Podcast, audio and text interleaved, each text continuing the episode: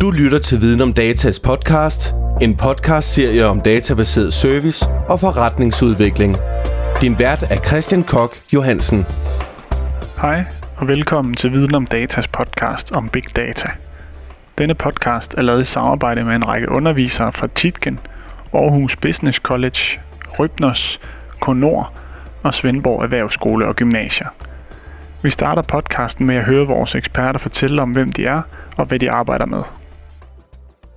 Jeg hedder Lasse, og jeg arbejder hos øh, Lemvi Møller i en øh, Big Data afdeling. Jeg har øh, igennem de sidste to og et halvt år arbejdet med øh, vores øh, data. Vi er ved at sætte strøm til den og arbejde med øh, kan man sige, mere prædiktivt med vores tal, så vi kan øh, lave modeller, der bedre kan fange kundens adfærd, lave bedre tilbud til den. Øh, det gør vi på en øh, SAP og en øh, IBM Watson øh, platform. Yes. Martin? Ja, jeg hedder Martin Funk og kommer fra Bisnode. Øh, Jeg sidder til daglig som Key Account Manager øh, og har ansvaret for partier, politiske partier og humanitære organisationer, hvor vi kigger ind på big data i stort mål øh, på private, men også på erhverv. Og Bisnode som virksomhed? øh, Bisnode som virksomhed er en stor international øh, virksomhed med øh, hovedsæde i øh, Sverige, og vi er omkring 2500 medarbejdere fordelt på 18 lande.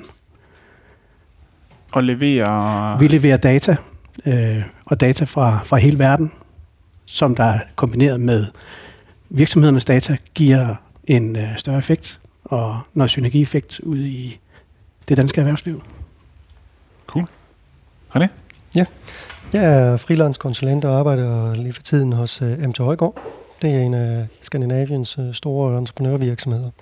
Og øh, vi er ved at implementere et nyt øh, ERP-system, også et system til at understøtte kan man sige, vores kerneforretning, entrepriseforretning, serviceforretning. Og øh, der sidder jeg som er ansvar for, for stamdata, som øh, egentlig danner grundlag for mange af de transaktioner, der kører igen kunder og leverandører, som vi blandt andet også bruger Bisnode til, til at øh, sikre, via datakvalitet, men, øh, men også på, øh, på medarbejdere, for eksempel. Øh, materialer, styklister osv.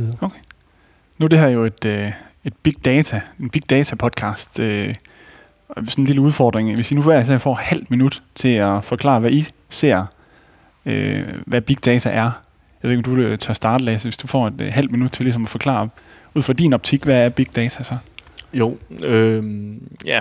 Måden vi arbejder med øh, big data på i Lemvi Møller, og det er så også den optik, jeg har, det er, at vi kigger på, øh, kan man sige, vi kan egentlig kigge på en, en bredere øh, samling data. Vi kan øh, sætte strøm til, til data på en anden måde, end vi, vi kan med almindelig øh, BI-rapportering.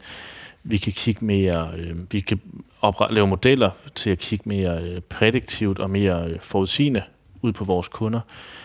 Øh, så det er egentlig, at vi har øh, større mængde og større variation i data, og vi kan, vi kan samle data fra langt flere kilder, end vi øh, bruger fra vores almindelige øh, øh, transaktions-ERP-system.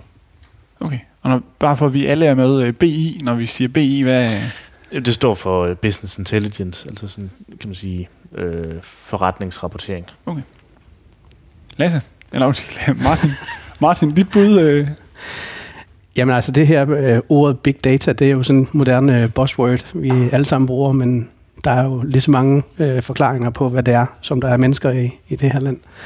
Og altså, når vi kommer ud til vores kunder, jamen så er big data, det kan være et definitionsspørgsmål fra den lille øh, enkeltmandsvirksomhed, som der måske har 200 kunder og føler, det er big data. Og så er det store forsikringsselskaber og humanitære organisationer med flere hundrede tusind øh, hvad hedder det, medlemmer, som der ser big data på en anden måde. Så altså, definitionen af big data er svær at definere, men sammen kan vi øh, bruge de her øh, data i sammenhæng, som der giver et, øh, et bedre indblik, og dermed så også give nogle synergieffekter, øh, som der er positiv for virksomhederne i Danmark i dag. Okay hvad siger du, René? Jamen, øh, hvis man skal give et eksempel på, på big data, at øh, da jeg arbejdede i Siemens, der havde vi et øh, diagnostic center, og øh, det de egentlig gjorde, det er, at møllerne, de står konstant og sender informationer tilbage til Diagnostic Center. Og det er klart, at, at de samler de data op. Det er informationer omkring, hvordan møllen fungerer osv. der. På et tidspunkt så finder man ud af, at der er nogle møller, der går i stykker. Så går man ind og analyserer, kigger på de her data og siger, er der nogen signaler, vi har fået af møllen, der kan forudsige, at en anden mølle også på et tidspunkt øh, går i stykker. Så i stedet for at vente til den går i stykker, og så har jeg et stort problem, så kan vi sige, okay, vi tager det ud to uger før, så skifter vi de dele, der, øh, der går i stykker, og så får vi en bedre driftstid op. Så det er et eksempel på de der data. Man, vi efterlader jo data overalt, også på internettet, hvor vi nu er hen. Øh, så, som var inde på før, Martin, også, at det, ja, det, man kan sætte 10 mennesker sammen her, og de snakker hver i deres retning om big data. Hvis vi synes, skal prøve at kigge på, fordi det, der er så meget data, men hvis vi nu skal prøve at finde ud af, hvad er vigtigt, hvad er vigtig data? Jeg ved ikke, i Lemvi Møllers setting, at, om man kunne lave en eller anden rangorden eller et eller andet, fordi I bruger en masse data, men hvad er det sådan, det kan bruges til? Hvad er vigtigst for jer? Jamen,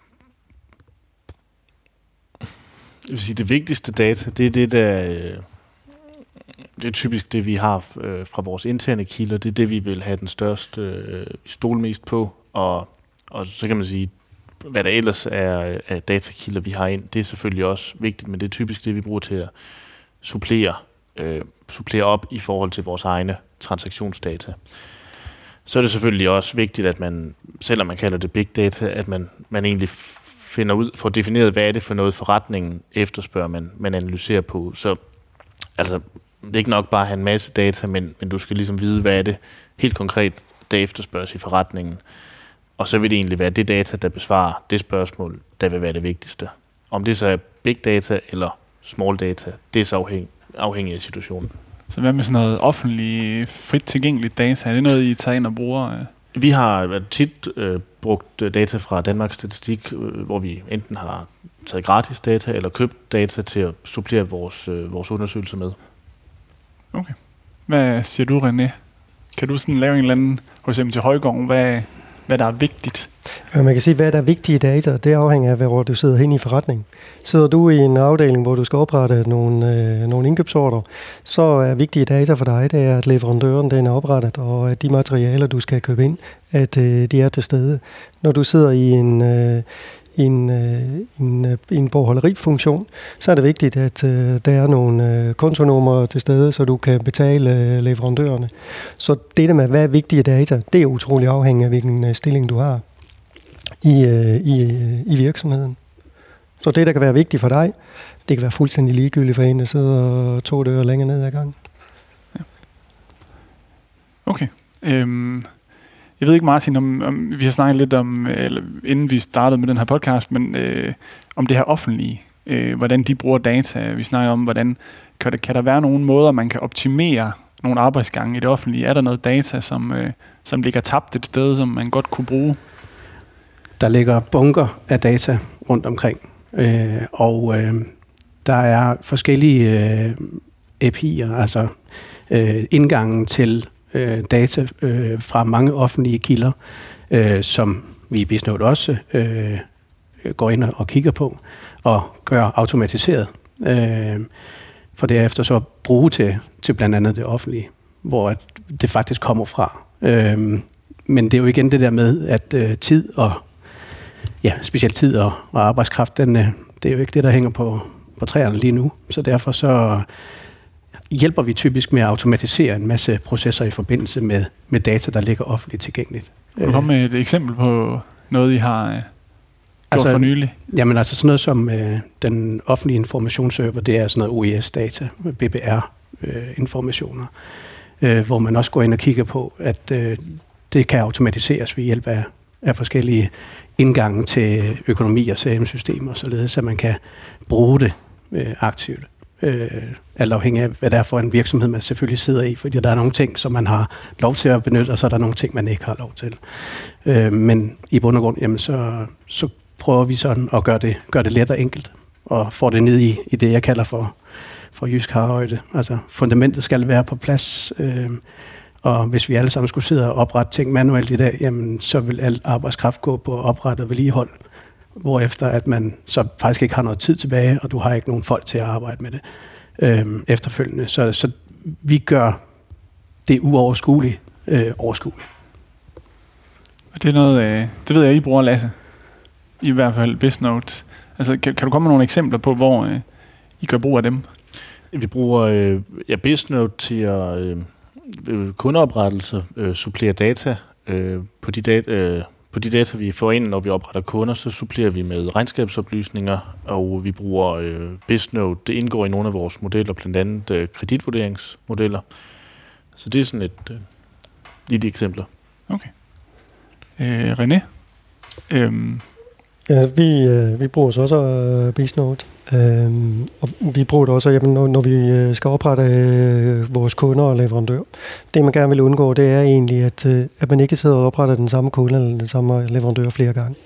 Og øh, det, der kan være udfordring, det er, at når en af dine kolleger har oprettet øh, en kunde, så har man måske haft kunden i røret, eller man har fået en mail, og så har kunden sagt, jamen vores firma hedder D&D. Øh, men det kan godt være, at en anden kollega bruger et andet navn, fordi firmaet også går under et andet navn. Så når der så er en anden en, der får en anden i firmaet i rørt og siger, jamen vi skal købe et eller andet, kan du ikke lige oprette mig som kunde? Ja, det kan jeg. Hvad hedder firmaet? Det hedder det. det. Ja, den har vi ikke, vi opretter den igen. Og det er jo der, hvor, hvor Bisnode kommer ind i billedet, fordi øh, de har nogle øh, unikke idéer på øh, alle danske øh, virksomheder. Og det vil sige, at der kan man sige, okay, vi søger på det her øh, ID-nummer, og på den måde sikrer at vi ikke opretter de, øh, de samme øh, kunder øh, flere gange. Så kan man sige, kan det ikke være lige meget? Mm, nu øh, snakker Lasse omkring det her med, med BI. Når øh, vores sælgere sådan, øh, skal få et overblik over, hvad er det, vi har solgt til en kunde, så kan det være rigtig ubehageligt, at den samme kunde, den ligger faktisk der to gange.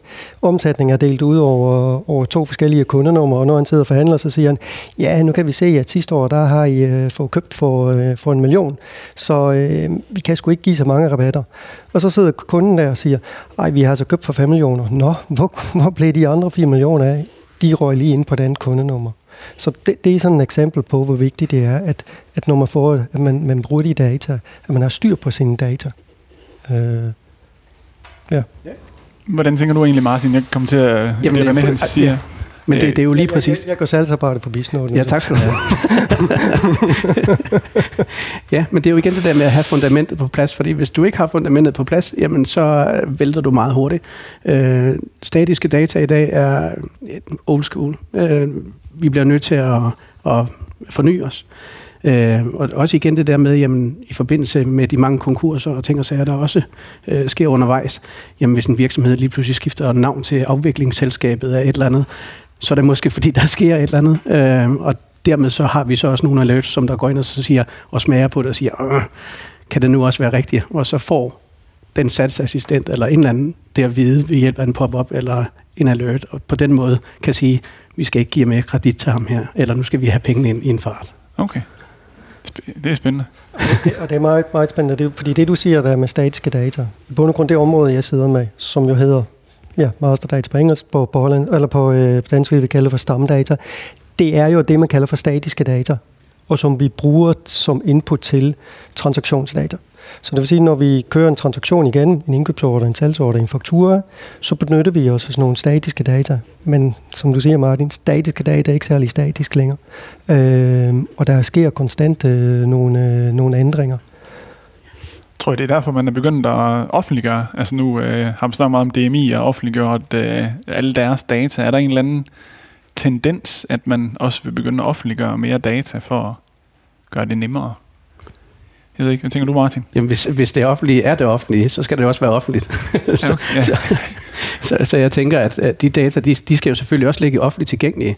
Øh, Det, der så er lidt som er udfordringen mange gange, det er det der med at holde styr på de offentlige data, fordi de ændrer sig konstant, og vi har øh, i virksomheden folk, der sidder og monitorerer de her data, således at de kommer ind øh, hvad kan man sige, fuldstændig ens hver eneste gang. Og hvis der er nogle ting, som der falder udenfor, jamen så har du muligheden for at fange det, inden det kommer ud til kunden.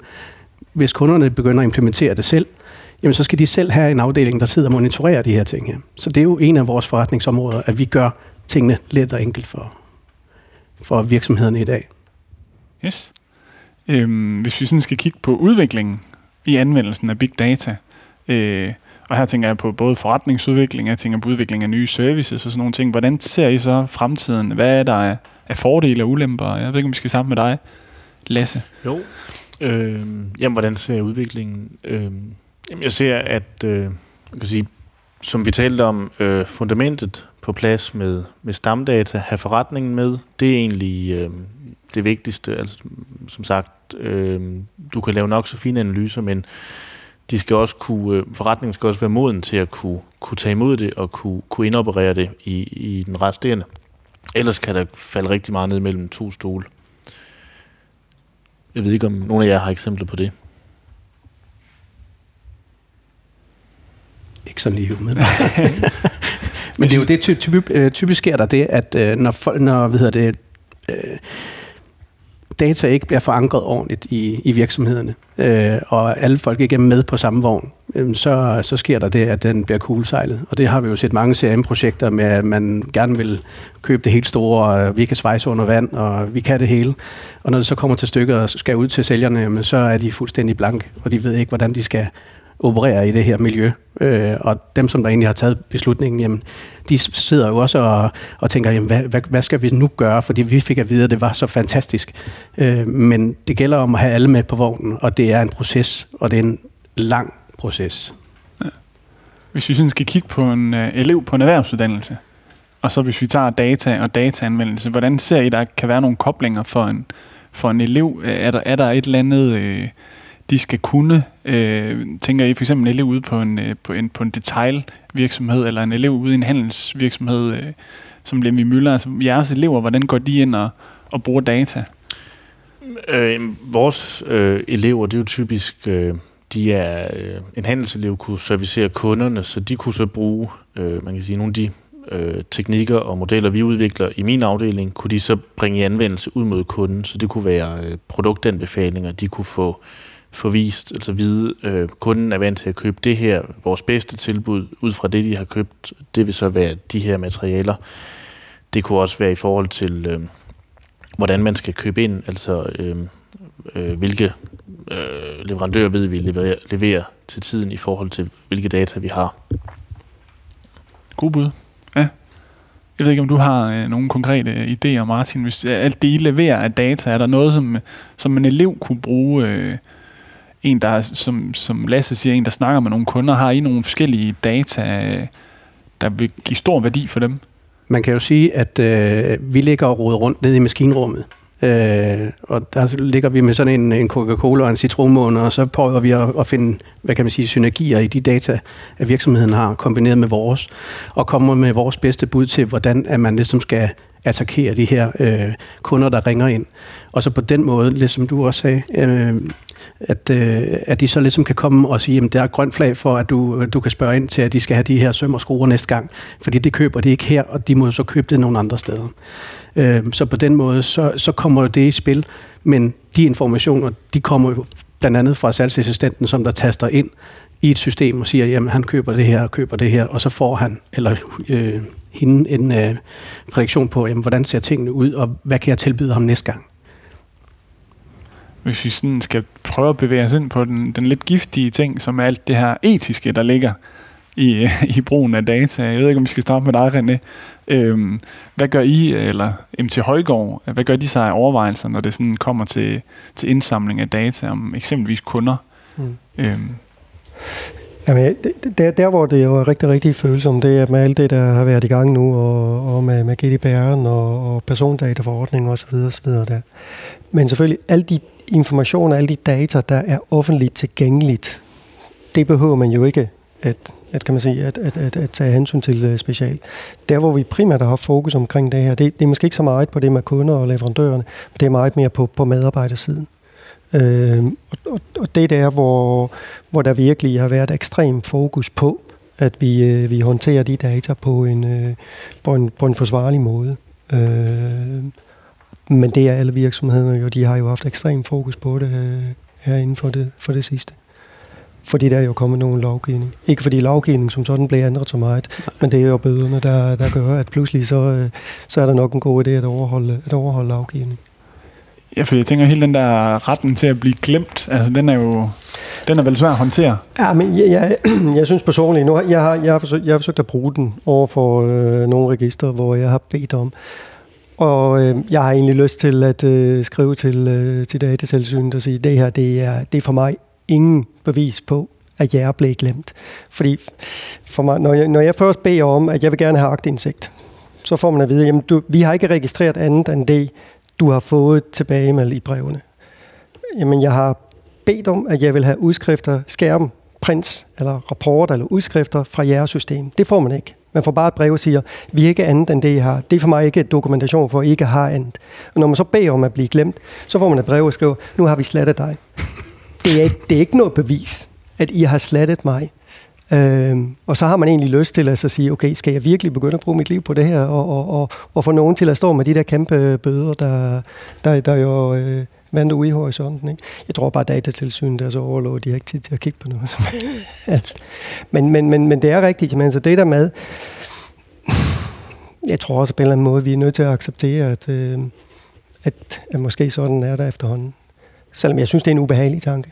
Øh, og, og når vi snakker big data, jamen vi, øh, vi, vi var på øh, i sommerhuset her i, øh, i foråret med min kæreste og så, øh, så mine børn.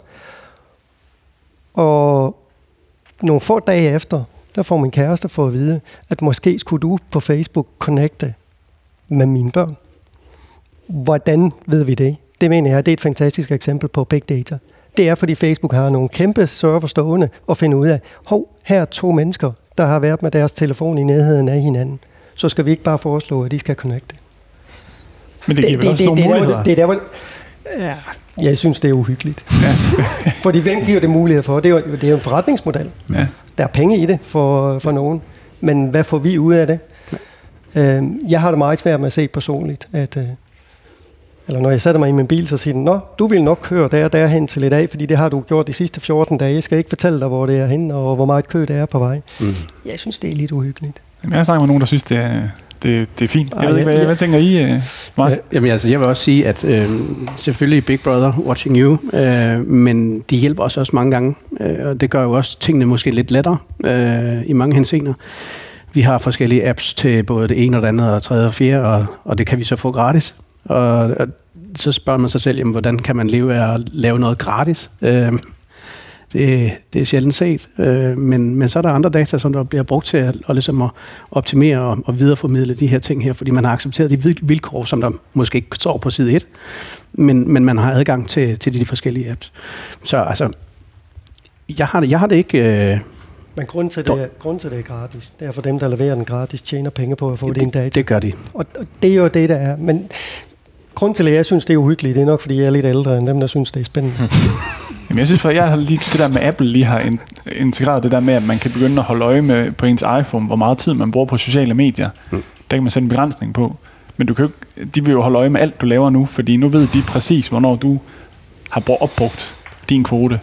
Så der giver du egentlig lov til alt. Øhm, jeg ved ikke, har I sat de ting til på jeres... Øh, bare lige sådan en... Jeg kører fuld skala. det kommer ikke bag på.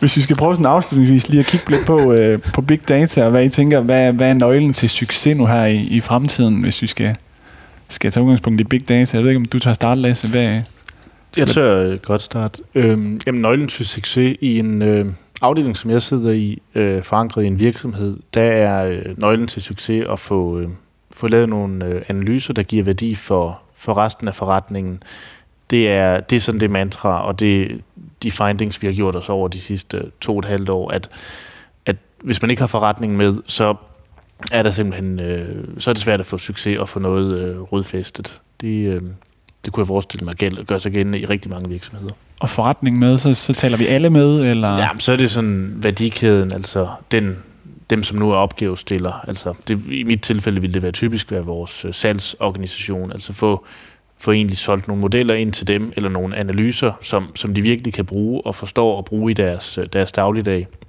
Og så få lavet nogle øh, målepunkter på, hvordan man får, får fuldt op og, og sikre sig, at, at de egentlig efterlever det, som, som der er blevet øh, stillet i udsigt. Hvad siger du, Martin? Jamen, vi lever jo af at finde og fange og beholde kunderne. Øh, og på den måde, jamen, så ser jeg også bare en lysende fremtid for den måde at agere på, og gøre det effektivt og enkelt. Øh, vi bliver ikke flere og flere ude i virksomhederne, vi er tværtimod. Øh, vi skal gøre det, vi er bedst til. Og det er ikke at sidde og oprette ting manuelt og fingrene op i, i luften med at vide, hvilken vej jeg vinden den vender. Men øh, vi bliver nødt til at øh, kigge på fremtiden som værende øh, en god ven i stedet for en, en fjende. Hvad siger du, René? Jamen, jeg så tænker over, at, øh, at det vi har snakket lidt om, det er målgruppen øh, omkring det her.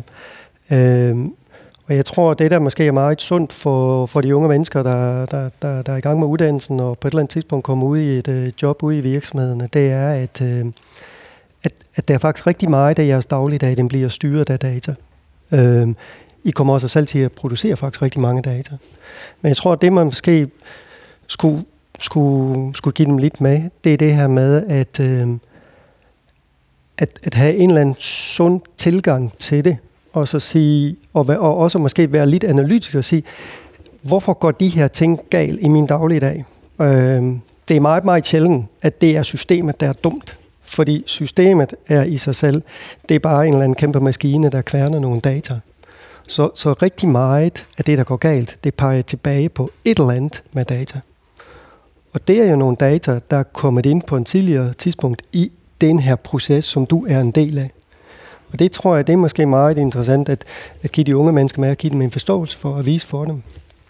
Vi, øh, jeg har tidligere snakket om det her med, at hvis du kommer til at sidde i, et, øh, i en bogholderiafdeling, kreditorbogholderiet, og du skal betale nogle, øh, nogle fakturer til, øh, til leverandørerne, at øh, systemerne er jo lavet på den måde, det hele er automatiseret. Du kan trykke på en knap, og så kører den bare. Men øh, i de fleste bogholderiafdelinger, der, øh, der kommer der nogle kæmpe fejlister ud med de betalinger, der ikke går igennem. Og hvorfor gør de ikke det? Det er ikke fordi systemet ikke øh, er, er, er god nok, og de programmører, der har lavet systemet, der de har siddet og dummet sig, fordi det, det, det skulle de lave meget sent om natten. Men det er fordi de data, der er kommet ind på et tidligere tidspunkt i forløbet, der er noget galt med det. Og det er måske, at få det en forståelse for det, så tror jeg, at man kan få faktisk en rigtig, rigtig spændende dagligdag ud af det. Øh, udover, hvor man ikke bare skal sidde og rette fejllister, men at man faktisk bliver med til at, at få, få tingene virkelig sat op på en måde, at det virkelig, at, at, at tingene kører, som, som det skal. Så, så, så det der med data, det, og så kan man sige, er det big data? Men om ikke andet, så er det i hvert fald data, hvor, øh, hvor du skal, øh, som kommer til at afgøre din daglige dag. Jeg synes, det med data, og det er en måde, fordi en ting er, at du har data, hvor man kan sige, som er en eller anden form for sandhed. Men du kan jo tolke data på en måde, så det passer ind i din historie. Og, og det er den, som jeg synes kan være rigtig, rigtig ubehageligt. Fordi du kan gå ind og, og, og, og og, og det er jo det, man selvfølgelig gerne vil. Der er rigtig mange virksomheder, og så er vi tilbage til det her med forsikringsselskaber og pensionsselskaber, hvor vi skal fastsætte nogle præmier for det ene og det andet og det tredje og det fjerde. Og så kan man sige, jamen øh, vi skal have nogle informationer af dig, dem putter vi ind i et system, så kører der et eller andet algoritme, men det er jo nogle mennesker, der har lavet den algoritme, så kommer der et svar ud af det. Og det er faktisk en del af det med GDPR'en også, øh, hvor man kan sige, hvis du får at vide, at du ikke kan få et eller andet, eller at du skal betale 10.000 kroner for en, en præmie for det ene eller andet, at det ikke passe, at når jeg så får beder om at finde ud af, hvorfor er det det her, jamen det er jo det, computeren siger. Nej, du må fortælle mig, hvorfor I kommer frem til, øh, til det her. Øh, og det, men jeg, jeg er nok generelt sådan meget mere kritisk indstillet over for alle de her ting. Men jeg mener, det kan ikke være rigtigt, at man bare putter noget ind i systemet, og det er det, det, jeg får som svar. Der er nogen, der må fortælle mig, fordi hvad er det, I har puttet ind i det? Jamen, vi har puttet de, de, de, de øh, kriterier. Men hvad med den her? Vil den ikke være relevant for det udfald? Og, og, og det der, hvor jeg synes, en ting er data som sådan, men det er det, vi kan bruge data til, og også misbruge data til. Og så det passer ind i vores egen boldgade. Ikke? Og det er også derfor, jeg siger, ja, det er fantastisk, vi får nogle gratis apps, men det er ikke gratis, fordi du leverer faktisk det, der er guld værd. Det er dine data. Men det er vel også lidt en snak om kompetence, at der er nogen, der kan, kan finde data, men der er også nogen, der skal, skal tolke data øh, i en eller anden grad og sætte det i relief med nogle, nogle ting. Jeg ved ikke, altså nu, nu bruger I noget data, så hvordan tolker I på det? Jamen, jeg, jeg tror bare, man må øh, erkende, at alle ens øh, data og alle de spor, man lægger forskellige steder, det indgår på en eller anden måde i en, øh, i en virksomheds forretningsmodel øh, øh, model et eller andet sted. Øh, og så kan det jo være forskelligt, hvad den virksomhed lige kan bruge det til. Det er jo typisk et eller andet, øh, hvor de kan sælge noget mere til en, enten øh, hvad det end kan være. Typisk, du har været det og det sted hen. Øh, René nævnte det jo med Connect med, med nogen på Facebook. Det er jo deres, øh, deres måde at bruge det på, at de, har været, de enheder lige har været, øh, været tæt på hinanden på det tidspunkt. Der må kunne skabes en relation, øh, og der kan måske målrettes nogle reklamer øh, lige til de personer. Det er sådan, jeg ja. ser det. Men man kan sige, at nogle ting det er også fair nok. Når man, når man kigger på virksomheder, selvfølgelig virksomheder skal tjene penge. Og, og jeg kan godt forstå, at øh, hvis det var mig, der havde en, øh, en nathandel, øh, det er jo fantastisk, at jeg kan se, at nu har den her person har været inde tre aftener i træk og kigget på, øh, på det her par sko. Ved du hvad, næste gang han kommer ind, der får han lige at vide, jeg har et tilbud til dig, 15% rabat. Hvis jeg går ind i en øh, skobutik tre dage i træk, det er ikke nogen, der lægger mærke til, at jeg står og kigger på det samme par sko tre dage i træk og siger, vil du ikke få 15% rabat, så kan du få de der sko med. Og det er selvfølgelig, det, det, det giver nogle muligheder. Øh, og sådan er der også, men øh, man skal jo tjene penge. Men der tror jeg også, at der er det også vigtigt, at vi som forbrugere er, er kritisk og, og, og siger, jamen, har jeg virkelig brug for de sko, eller var det bare fordi, jeg kiggede, eller hvad det er, ikke? Men eller, jeg tror, vi, ja. eller lave et aktivt fravalg. Altså at sige, jeg ønsker ikke de her apps. Altså, jeg, jeg ønsker ikke, at uh, de skal se, hvor, hvor hurtigt jeg løber på en kilometer øh, eller lignende. Altså det, så må man vælge det fra, og så tage sit stopur. Men, men det gør jo bare tingene meget lettere, at du samtidig med, at du ser, hvor langt du løber, øh, hvor lang tid det tager, og samtidig med det, så kan du også høre musik til, øh, og så kan de også fortælle dig, at du er bagefter. Altså alle de der hjælpemidler og sådan noget, det gør jo også, at, øh, at, at ja, selvfølgelig er det en forretning, men hvis man ikke ønsker det, så sluk den. Hmm. Øh, Altså bare acceptere, at Netflix, de, øh, de trækker altså også alt, hvad de kan. Jo, men jeg tænker på, det, det der med at slå fra, fordi det er jo en af de, de, de ting, der er nu om dagen på, øh, i din browser, at der har du jo mulighed for at slå alle de der reklamer fra. Jeg har nogle gange forsøgt det, jeg, jeg kan simpelthen ikke finde ud af det, hvordan jeg kan få dem til at stoppe med alt det der. At de, de, de er jo nødt til at gøre det nu om dagen. Fordi har jeg kigget på et eller andet øh, stykke værktøj, som jeg synes, jeg skal bruge, så er jeg sikker på, at i den efterfølgende uge, det dukker op over alt den der maskine, jeg har kigget på. Ikke? Der er jo adblockers over det hele, og, men, men dem, der laver reklamerne, de plejer som regel altid at være lidt, lidt foran. Øh, så dermed så kan de jo hele tiden undgå det, ikke? og det er jo det, der er, er udfordringen her. I løbet af podcasten fik en af underviserne en idé til et spørgsmål, og du kan høre ham stille det her. De her, I ved meget om uh, big data, og det er super spændende at høre hvad tænker I, hvis om det bliver sådan et generelt spørgsmål om big data, tænker I, at der i forhold til den her snak om, at der er nogle organisationer, virksomheder, lad os sige Google, Facebook osv., som egentlig er blevet for magtfulde? Hvad, hvad tænker I om hele den... Martin, han tak, går, han går tak for det i det, man har de her forretningsmodeller, øh, og alle de her øh, spørgsmål om Cambridge Analytica, og øh, alle mulige forskellige former for, øh, hvordan man ligesom har omgås øh, tingene, øh, det er selvfølgelig katastrofalt, og, og folk de bliver jo også bange. Øh, og ulven kom, øh, men også i forbindelse med GDPR og sådan noget, hvor man får, altså, man får strammet op øh, på de her øh, ting, gør jo også, at at man tænker sig om en ekstra gang, før at man begynder at gå ind i en, øh, ind i en øh, gråzone. Uh, hvis du uh, ønsker at stjæle eller gøre et eller andet galt, jamen, så kan du også gå ned i skobutikken, som du også sagde før, og stjæle et par sko. Uh, det kan du også gøre på nettet. Uh, så der er jo altid de her uh, uh, personer, som, som der altid lige vil prøve at udfordre det lidt og, og, og gå på, på kompromis med, med lovgivningen. Og det er svært at, at, at gøre noget ved. Men øh, jeg ved i hvert fald for vores eget vedkommende, jamen hvis vi gjorde sådan nogle ting, så ville vi heller ikke være der i morgen. Så, så det gælder om at overholde den lovgivning, der er, og så holde sig på den rigtige side, og på, på den gode side, altså rigtig meget, øh, i stedet for at arbejde i gråzoner. Øh, for det kan godt give øh, lidt bølgeskvulp. Så kommer ham den negative igen. Nej, jeg, jeg, jeg, jeg tror det, og på en eller anden måde kan man også se det, at dem, der har data, de har magten. Fordi når man tænker på, at en, en, en virksomhed for, som Facebook kan blive så stor, som de er, på noget, de leverer, som har været gratis.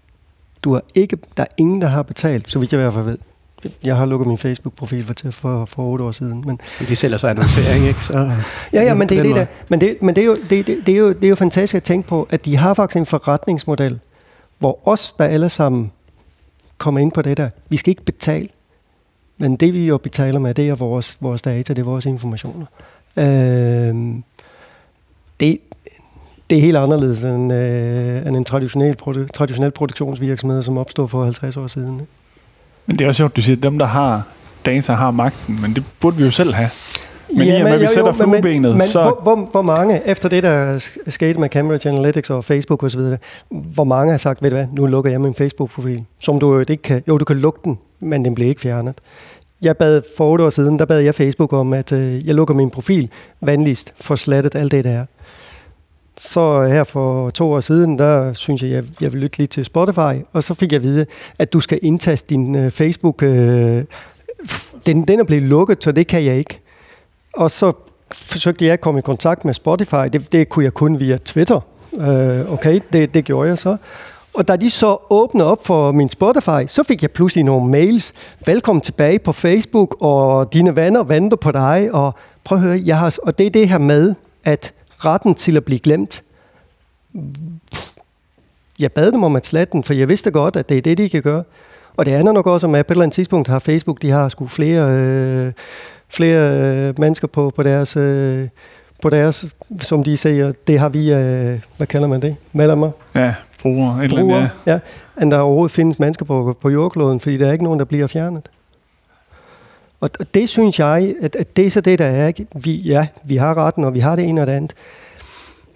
Vi aner ikke, hvad de gør med, med de data. Fordi hvor mange har, har, har lukket deres profil bagefter. Selvom, når vi lige hørte det, så tænkte vi, ej, det er da forfærdeligt. Ja, vil du lukke den? Nej, fordi så kan jeg jo ikke følge med, hvad mine venner gør. Ej, jeg vil blive for gammel, så negativ Vi stopper. Ja, lad os på det. Du har lyttet til Viden om Datas podcast, en podcast-serie om databaseret service og forretningsudvikling. Find mere relevant indhold på videncenterportalen.dk eller følg os på de sociale medier.